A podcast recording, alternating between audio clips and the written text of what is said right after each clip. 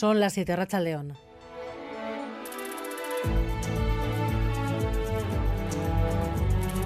Gambara con Arancha García.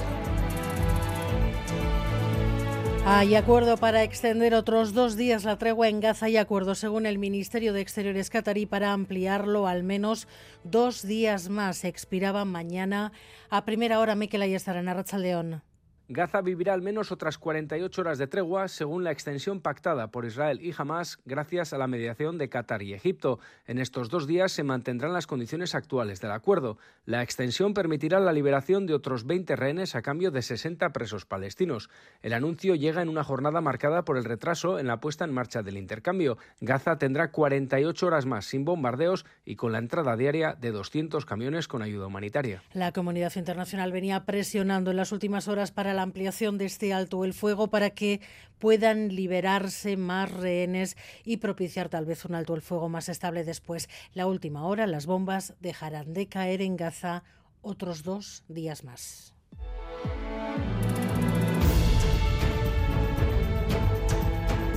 Arnaldo Otegui se hace a un lado, confirma que no será el candidato al Endacari porque viene, dice, un cambio de ciclo y una nueva generación con nuevas formas de hacer política. Hay una nueva generación que se está incorporando a las tareas de dirección y a las tareas de gestión institucional en la izquierda independentista. Hay gente nueva, de una nueva generación, que quiere hacer las cosas de otra manera y que representa los valores emergentes de la sociedad vasca. Con las incógnitas despejadas en el PNV, entre tanto, el Endacari no da signos de adelantar las elecciones. Hoy ha dicho que no se siente condicionado por la designación de Imanol Pradales y viene a vincular el calendario electoral al compromiso de las transferencias ya cerradas. Tenemos un plazo de tres meses en el que el Gobierno español debería cumplimentar tres transferencias tres materias que están contempladas en los acuerdos entre el Partido Nacionalista Vasco y el Partido Socialista Obrero Español. Esto es yo creo que importante para lo que pueda ser también el mandato de esta legislatura. Cambio de ciclo, dice Arnaldo Teguiene, cuando es habla de modelo agotado y en ese marco reivindica la capacidad de influencia de su partido después de las elecciones y ahora, por ejemplo, con la reforma a los modelos lingüísticos en la ley de educación que va a sacar del consenso a EH Bildu que definitivamente propone las bases votar no.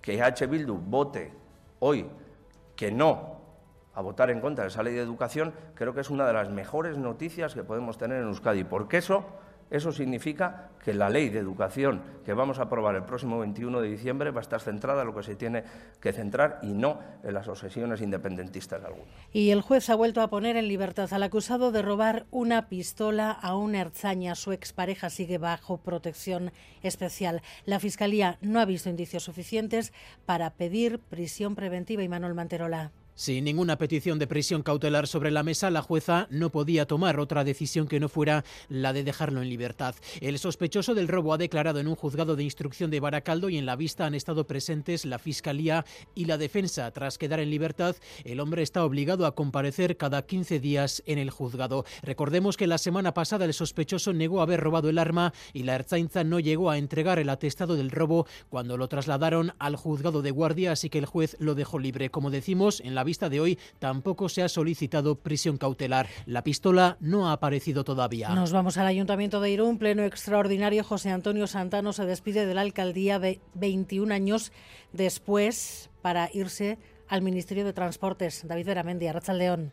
A León, muy buenas tardes a todos. En efecto, abrumado por las numerosas muestras de cariño, pero sobre todo emocionado en varios momentos sin poder articular palabra, José Antonio Santano ha renunciado tras 21 años a su cargo de alcalde de Irún. Lo ha hecho en un pleno extraordinario con el salón de plenos abarrotado y leyendo un discurso de pie en el que ha dicho cree dejar un Irún mejor. Como decías, ahora se va a Madrid, será secretario de Estado de Transportes, Cristina Laborda será la nueva alcaldesa. Y el Teatro Arriaga, Premio Nacional de las Artes Escénicas, galardón esta noche en Madrid, Sarobaza.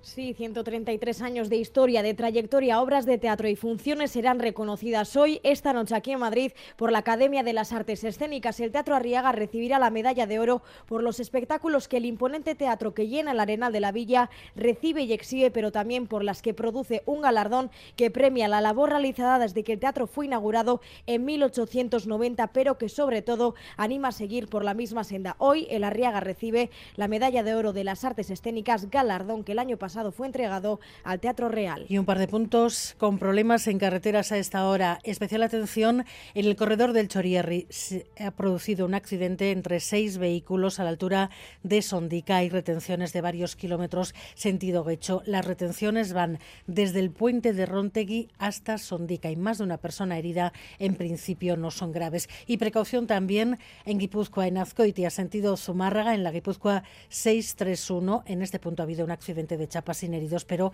el tráfico es lento. Y además es lunes de fútbol, en dos horas juega el Atlético, la Charriola Bengoa, Rachaldeón. A Rachaldeón Arancha, pues sí, en algo menos de dos horas empezará ese partido. El Atlético buscará en tierras catalanas romper la buena racha del Girona, sumar tres puntos y ponerse quinto en la clasificación, haciendo que estos además pierdan el liderato. Se lo contaremos aquí en Radio Euskadi. Mientras, la Real, sin apenas descanso, prepara el partido de Champions que el miércoles jugará en casa contra el Salzburgo, esperando mantener el primer puesto de su grupo. Y les contamos también que el Deportivo Alavés ha convocado su Junta General de Accionistas para el 28 de diciembre. En pelota, José Valdave da el salto a profesionales de mano de Aspe. El zaguero navarro firma por dos años y debutará el próximo 8 de diciembre en el Atano Tercero. Y terminamos en frontones también con una nueva cita hoy en Guernica de las Winter Series, quinta jornada que enfrentará a Olarani del Río contra Goicoechea y Lequerica. Miguel Ortiz y Arancha Prado están en la dirección técnica, Cristina Vázquez en la producción. Comenzamos.